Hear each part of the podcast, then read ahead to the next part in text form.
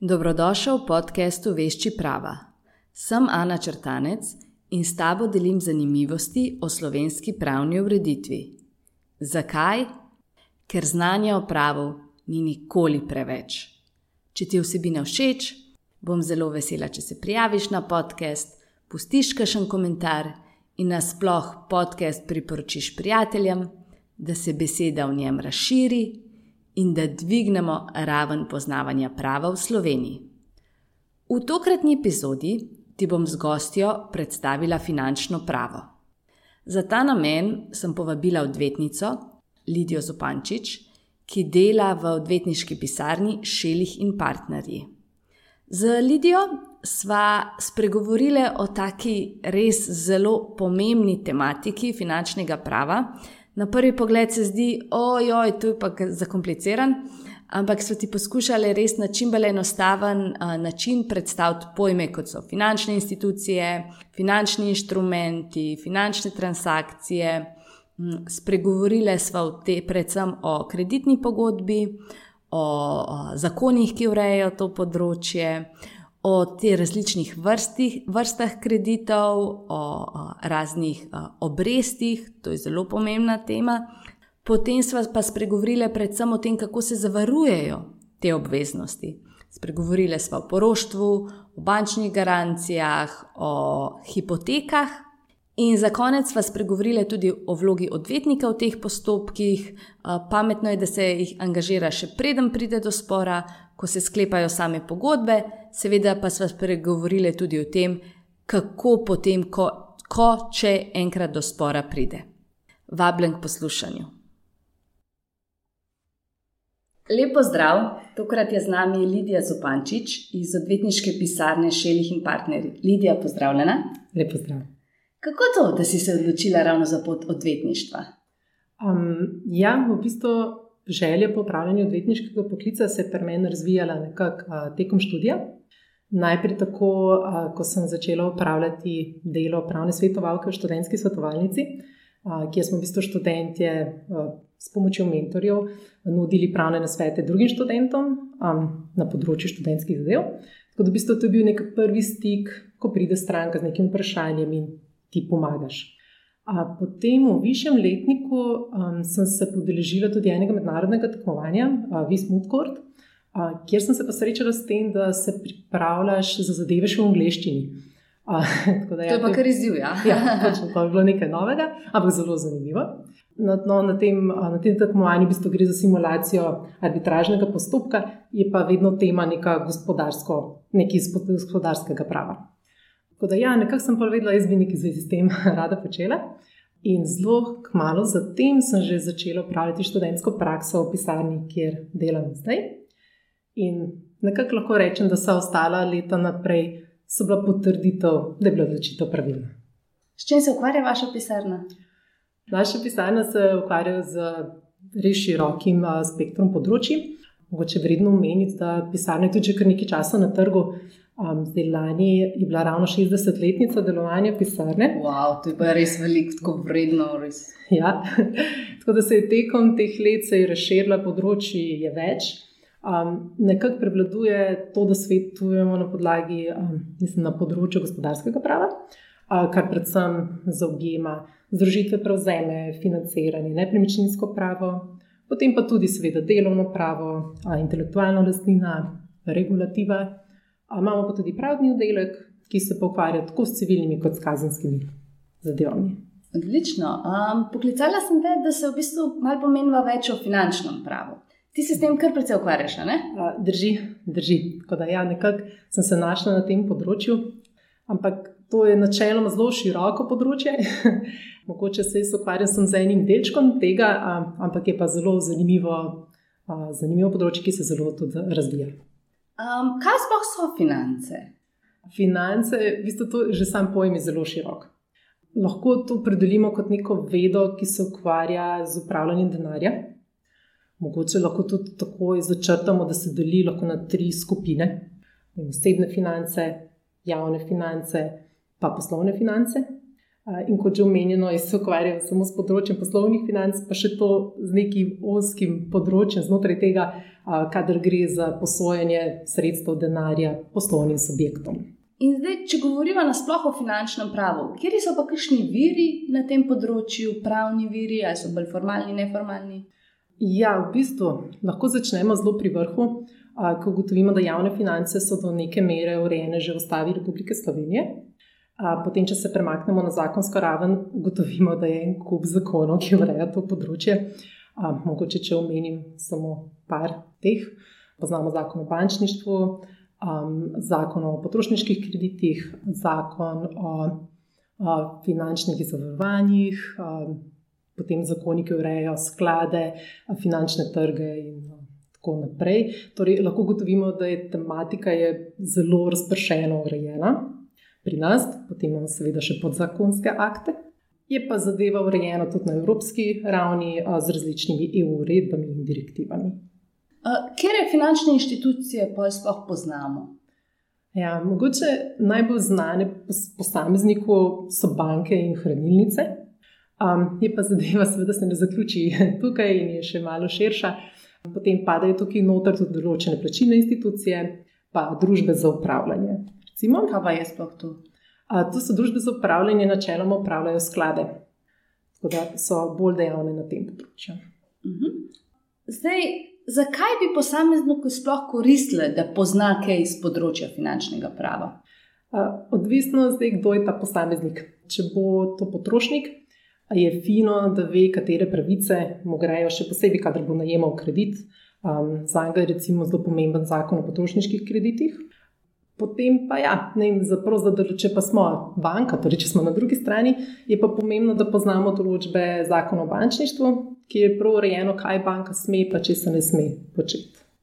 Kaj so v bistvu, kakšne finančne transakcije sploh poznamo, ali pa kakšne finančne inštrumente poznamo? Mhm.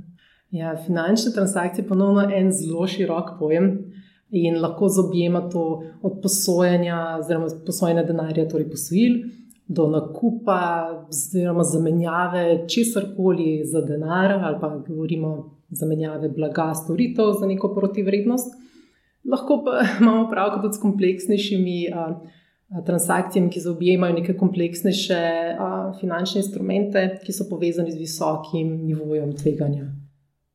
Kar se tiče pa finančnih instrumentov, ja, mogoče sam izraz zgleda, da to gre nekaj, komplek, nekaj kompleksnega.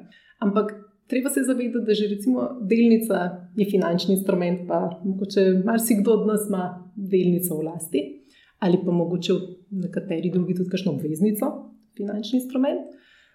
Seveda so pa lahko zadeve bolj kompleksne, kadar imamo pravka s kakšnimi opcijami, terminskimi pogodbami.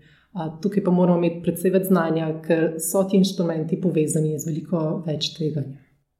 Doskrat v zvezi s tem slišimo tudi pojem financiranje. Kaj pa, kaj pa je to?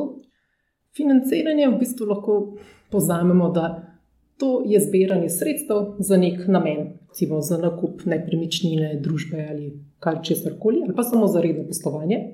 Lahko se financira iz vlastnih sredstev, torej če našparamo denar. Um, lahko se pa financira tako, da se izposoja uh, določene sredstva. Zdaj, kar se tiče oblik financiranja, mogoče najbolj znana oblika je, da vzamemo terminski kredit.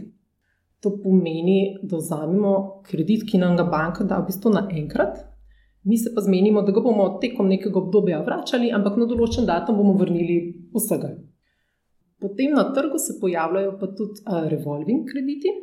To pa pomeni, da nam banka da za neko obdobje nek znesek, mi pa lahko poljubno ga črpamo dol, vračamo nazaj, čisto po potrebi.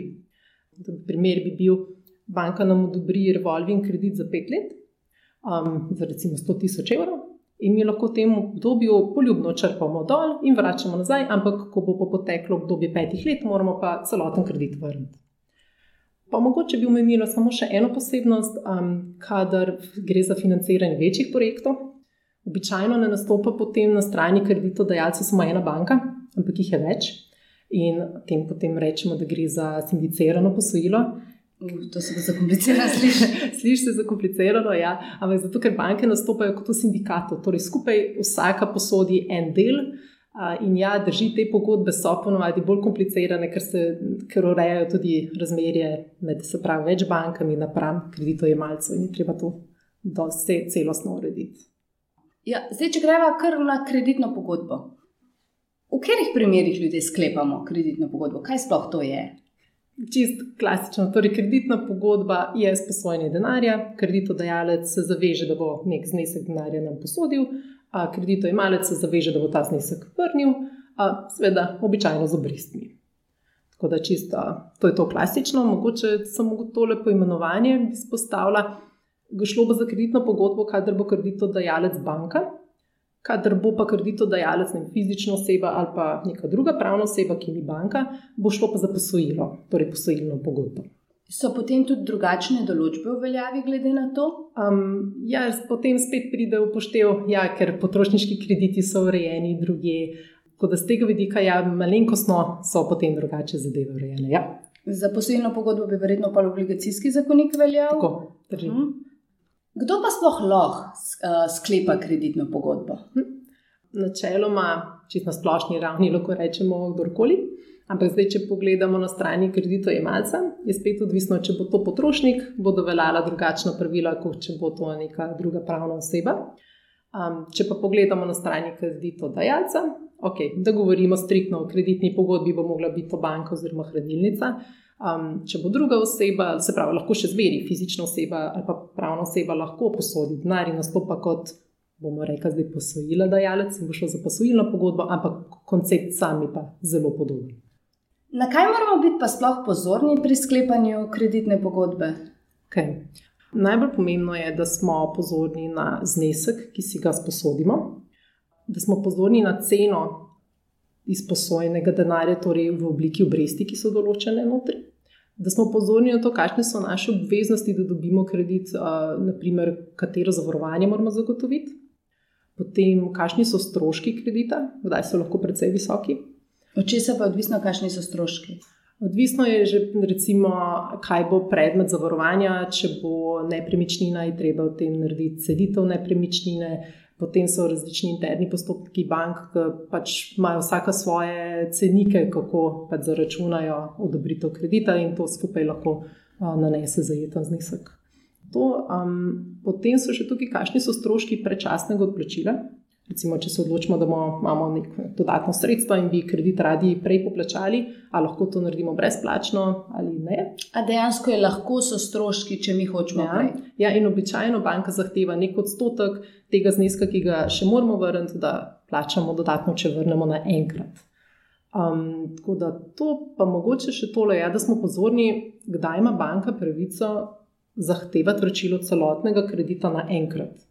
Torej, v določenih primerjih se lahko to zgodi, da smo pozorni, ker potem nas lahko doleti obveznost, da bomo celoten znesek naenkrat vrnili, kar, kar je velik zalogaj.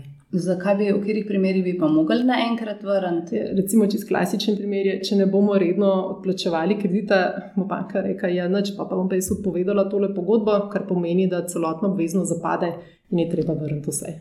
Mhm. Kako je zdaj s temi obrestmi? Vemo, da so različne vrste, kje, kje sploh vrste obstajajo. Um, postavim, poznamo fiksne obresti, poznamo variabilne obresti. Um, torej, fiksne so celotno obdobje enake, uh, variabilne, torej, že kot ime nakazuje, se spreminjajo, ker so odvisne od določenega faktorja, ki se spreminja. Um, najbolj znana obrestna mera, pač, ki jo poznamo, je Euribor. In to je v bistvu Referenčna obrestna mera, po kateri si določene banke na evrskem območju med sabo posojajo denar. In ta se spremenja. Različna je tudi glede na ročnost, torej poznamo več evriborjev, če lahko tako rečemo. Kaj je ročnost? A, torej, zapadlost, torej v kakšnem času, za koliko časa si posojajo denar. In potem poznamo ponovno najbolj klasični, trimesečni, šestmesečni, pa dvanajstmesečni evribor. Je pa ta tema trenutno zelo aktualna, ker se v praksi dogaja, da so banke nekaj let nazaj, v bistvu, no, mogoče kašno še zdaj, to ne vem, so obnašale, da je Euribor nič, čeprav je bil negativen. Torej, tega niso upoštevali. Jaz rečem, ok, Euribor je sicer negativen, to bi šlo mogoče potrošniku v korist, ampak naj mi rečemo, da je pač nič. A potem se je oblikovalo stališče, da to je v redu, dokler je tako določba zapisana v kreditno pogodbo. Zdaj, v zadnjem trendu so pa še nekakšna nova stališča oblikovala, ki so pa rekla, ok, zdaj banka zameji to variabilno obrestno mero navzdol, svojo korist. V korist potrošnika pa ni take določbe, torej gor lahko narašča ful visoko. In da to mogoče ni korektno, in zdaj se v bistvu to presoja, tako da bomo videli, kako se bo ta zadeva rešila. Kaj se pa bolj splača, da je fiksno, variabilno ali to čisto odvisno, kaj vzameš? To je tako odvisno od posameznika in od njegove pripravljenosti a, za prevzem tveganja. Tako da ni nekih jasnih pravil na tem področju. Mogoče neko splošno vodilo bi pa bilo ne, daljše obdobje, ki ga bomo, spravo, kredit, ki ga bomo vzeli za daljše obdobje. Mogoče bož, da takrat se odločimo za fiksne obrestne mere, krajše obdobje, pa mogoče variabilne, ampak to je zgolj zaradi tega, ker bo pač manjše tveganje. Bi pa na tem področju opozorila še na možnost refinanciranja kredita. To je pa takrat, ko mi vzamemo kredit, običajno za 10-20 let, pa celo 30, kadar gre za nakup nepremičnine. Ne? Pa pa tekom, pač ko čas teče naprej, z razmere na trgu se spremenjajo in lahko, da bi dobili enak znesek kredita, pod veliko bolj ugodnimi pogoji, torej za nižjo obrestno mero, se lahko odločimo, da vzamemo nov kredit, plačamo prejšnjega in v bistvu odplačujemo potem samo novega po nižji obrestni meri. To, to se nekako fajn sliši. Ja? Ja, ja, tako da fajn je spremljati tudi, ko enkrat smo že a, dobili kredit. Zdaj, omenila si tudi to, da se kreditna pogodba lahko zavaruje. S čim se pa zavaruje? Um, ja, poznamo več, več načinov zavarovanja. Moče najbolj klasičen tukaj je zastavna pravica. Mogoče mi, kot posamezniki, najbolj to občutimo, kadar se ustanavlja uh, hipoteka, torej zastava nepremičnine. Um, pa teh zastavnih pravic je res več vrst. Um, poznamo pa tudi odstop terjatov, um, lahko v poslovnem svetu dajo tudi uh, menice. Poznamo pa tudi novo klasično poroštvo, to, to se tudi veliko pojavlja. Ok, greva počasi. Um, kako se v bistvu sploh ustanovi zavarovanje za, na zastavni pravici ali pa na hipoteki, no? če greva prav na področje nepremičnine? Mhm. Torej, zastavna pravica se lahko zmeri ustanovi na nekem predmetu. Zdaj bo odvisno od tega predmeta, je vedno vse drugače uh, urejen, so neka posebna pravila. Se pa lahko, kot si že omenil, ne, torej na nepremičnini, lahko se ustanovi na premičninah, lahko se ustanovi na pravicah industrijske lastnine, torej znamkah, modelih, na terjatvah, poslovnih deležih, delnicah, tako spektr je kar širok, tako da je odvisno od premoženja, ki ga ima posameznik. Mm, mogoče veš, kje je področje, na katerem področju se praviloma največ um, ustanavlja? Ja, zdaj spet odvisno. Potrošniki večinoma vzamejo kredit za nakup stanovanja, torej bo to, mogoče bo tam prevladovala hipoteka. V poslovnem svetu ja, vidimo tudi hipoteke, ampak vidimo tudi dosti zastav poslovnih deležev, um, odstopov, pa zastave terjatov, tega je tudi kar dosti. Pa tudi, če ima družba neke znamke modele, kdaj tudi to zastavi. Tako da je res odvisno od situacije. Kaj pa s poroštvom? Kaj sploh je to, kdaj biti porok nekomu. Mhm. E, poroštvo je v bistvu to, da jamčiš, da boš izpolnil eno obveznost za drugega. A, torej, kadar glavni dužnik ne bo izpolnil, lahko potem upnik terja od tebe. In to je zelo pomembno, da se mi zavedamo, če bomo kdaj prevzeli vlogo poroka. To ne pomeni samo, da rečemo, da ja, ja, se on bo pa res to izpolnil, a jaz jamčim. Ampak ne, to pomeni, da če on ne bomo mogli mi. Pa na področju kreditiranja je to še toliko bolj pomembno, ker, kot smo na začetku omenili, lahko ima banka kdaj pravico zahtevati celotno plačilo kredita naenkrat. In če tega ne bo dobila od glavnega dužnika, bo lahko zahtevala od poroka.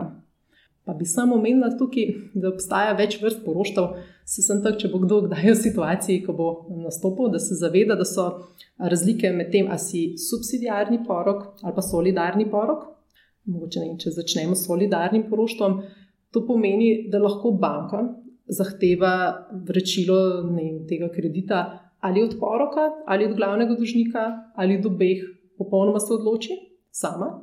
Kadar pa govorimo o subsidijarnem poroštvu, takrat pa mora banka v bistvu najprej zahtevati od glavnega dužnika, in če tam ne bo uspešna, lahko šele pride in se oglasi pri poroku. Je pa res, no, da je res bistveno, je, da se mi zavedamo, da nas ta obveznost lahko doleti, ker se mi zdi, da mogoče včasih se je poroštvo kar dalo, malo tako znanci so kar bili poroki, pa mogoče se niso zavedali, da ja, če bo šlo kaj narobe, je to na te pade res ena, ena ogromna obveznost. Ja, vse to se mi zdi, da je preveč lahko miselnosti na Ja. tem področju. Kaj pa je to bančna garancija? Kdaj, kdaj, že ime pomeni vedno nekaj v zvezi z bankami, kdaj se pa to uporablja? Ja, mm, to je neko posebno vrsto zavarovanja. Pravi se tako, torej, ko banka v bistvu garantira, da bo izpolnila nek, neko obveznost napram upravičencu iz garancije. Naročnik garancije pa prosi banko, ja, prosim, da je to izpolni za me upravičencu. Poznamo plačilne pa storitvene bančne garancije. Torej, plačilne, oziroma da imamo rečemo začeti storitveni, smo nam mogoče mečko bliže. To pomeni, da je neko zavarovanje za izpolnitev nefinančne obveznosti. Poznamo torej garancijo za dobro izvedbo del, ali pa garancijo za resnost ponudbe, in te vrste bančnih garancij srečujemo na področju gradbeništva, pa tudi na področju, kadar imamo kakšen javni razpis, a, pa je treba to že priložiti zraven. Potem imamo še plačilne garancije, torej, ki pa banka garantira za izpolnitev neke plačilne obveznosti. Mm, Zdaj, ti si odvetnica. Kdaj angažirati v kakšnem od teh procesov odvetnika? Zdaj, zdaj, če bo nek posameznik, ki bo hotel najeti kredit, mogoče odvetnik ne bo znal toliko veliko pomagati, zaradi tega, oziroma mogoče ta pomoč ne bo toliko koristila, ker področje je tako močno regulirano in a, banke imajo že vse kreditne pogodbe vnaprej tipsko pripravljene. In banke imajo tudi te pojasnilne dožnosti, da vse razložijo, in načeloma to to. Ampak, kadar bo pa potrošnik, recimo, kupoval zraven še nepremičnino in zato najemal kredit, tam je pa en kup, lahko pasti in pa tudi koordinacije. Torej, da se to sprovede tako, kot se mora, en kup dokumentacije, treba tudi pridobiti tukaj, pa lahko odvetnik kar precej pomaga. No, Kaj pa, naprimer, glede družb? Kdaj družbe angažirajo pomoč odvetnika? Uh, se pravi, pri družbah je običajno tudi kreditne pogodbe malo bolj kompleksne, ker gre za višji znesek. Ponovno lahko imamo situacijo, tudi ko imamo na drugi strani več bank, uh, tako da so zadeve malo bolj zapletene. Tako da v takih primerih definitivno svetujemo, da pravne osebe uh, se posvetujejo z odvetnikom. Uh, bi pa tudi omenila, da doskrat zastopamo tudi banke. Torej, kadar smo na strani bank, uh, ki financirajo recimo pravne osebe, torej, kadar gre za večje projekte. Uh, je pa naša naloga, da pomagamo pravilno ustanoviti vsa zavarovanja v korist banke, torej da je banka zavarovana. In kot smo prej omenili, imamo res lahko en kup različnega premoženja, in vsako premoženje se zavaruje na drugačen način, in je naša naloga, da poskrbimo, da je banka pokrita. Zdaj, seveda, hočemo, da se vse izpolni, kot se more, ampak kaj pa zdaj, če pride do kršitev pogodb? Ja. Je nekako tako, zdaj verjetno bo kršitev prej na strani kreditojemalca, kot kar na kreditodajalca. In potem je nekako odvisno, kakšna je ta kršitev. Zdaj, če bo šlo za neko manjšo kršitev, bo doskrat banka pač rekla, bo, pripra bo pripravljena počakati, a, da se to sanira. Mogoče en primer iz prakse bi bil, um, kadar vzamemo kredit za nepremičnino. Banka običajno zahteva, da je treba to nepremičnino tudi zavarovati, če že ni prej, potem pa da se mora tudi ta zavarovalna polica, rečemo, vinkulirati v korist banke. To pomeni, da če bo prišlo do nekega zavarovalnega primera, karkoli, um, in bi zavarovalnica izplačala določena sredstva, načeloma kreditojemalcu, kot upravičenca iz zavarovalne police, morate ta sredstva nakazati direktno banki. No, ampak banka ponovadi zahteva, da se to uredi v zelo kratkem času po sklenitvi pogodbe, in ja, v praksi se zna zgoditi, da se bo to zavleklo za kakšen dan. No, v takem primeru banka ne bo rekla, o, zdaj pa jaz odpovedujem pogodbo, vrnem celoten kredit, ampak bo rekla, no, da je ne, bo pa še počakala mogoče. Kot pa recimo v drugih primerih, kadar pa ne bo plačila, takrat pa zna banka prej iti it po bremzi in pač odpovedati pogodbo, potem pa zahtevati celoten znesek nazaj. Bi pa tukaj mogoče omenila, ja, je še tole razlikovanje, kadar gre pa za pravne osebe. Pri njih smo pa dosti tudi videli, da če bo neka umestna kršitev, neka srednje težka kršitev, um, se pa za tiš čas, torej do odprave kršitev, uh, kršitve, se povišajo obrestne mere. Tako da je to še neka dodatna stimulacija, da bo res ta kršitev odpravljena. No, se verjetno zna biti kar učinkovito. Kje so pa zdaj najpogostejše vrste sporov, do katerih pride celo do sodišča? Torej, odvisno je, za koga gre v teh postopkih. Torej, če začnemo mogoče s potrošniki. Ti spori bodo večinoma eh, šli glede nekih institutov, ki niso še do konca izoblikovani. Tako kot smo mogoče na začetku se pogovarjali glede variabilne obrestne mere, torej Euriporja, ali je lahko, eh, lahko zamejen na vzdolj ali ne. Um, podobna zadeva je bila tudi pri švicarskih frankih, kjer se je presojala ta pojasnilna dožnost banke. Ker drugače, načeloma, bo večinoma bodo spori za plačilo, torej treba plačati. Ampak tudi tukaj poznamo institute, ki lahko preprečijo, da sploh pridemo do sodnega postopka. Recimo, če sklenemo, mm, sklenemo določeno kreditno pogodbo v obliki neposredno izvršljivega notarskega zapisa, to pa samo pomeni, da lahko banka gre direktno v izvršbo in ne rabi začeti še sodnega postopka. Kje sodišča pa sploh so pristojna za prisvajanje v teh sporih? Gre čisto po splošni pristojnosti, torej gre za civilne zadeve, kadar bo šlo za potrošnike, tako da tam se bo samo presojala glede na višino spora. Če bo manj kot 20 tisoč evrov, bodo pristojna okrajna sodišča, več kot 20 tisoč evrov pa okrožna. Kadar bomo imeli pa financiranje poslovnih subjektov, bo šlo pa za gospodarski spor, kar pomeni, da bodo pristojna okrožna sodišča, ne glede na znesek.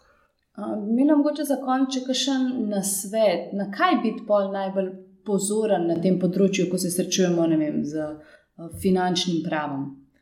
Mogoče najbolj praktično za vse nas, ki jemljemo kredite, res dobro prebrati in razumeti uh, kreditno pogodbo. Vsi vemo, ja, da so mogoče kdaj lahko malo daljše, pa črke so zelo mehne, ampak je fajn, uh, fajn dobro naštudirati, če kaj se razume, se posvetovati z nekom, vprašati, pa tudi vprašati uh, bančnega svetovalca.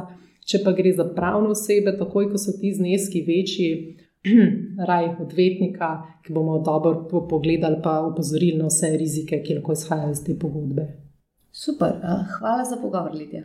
Hvala tebi.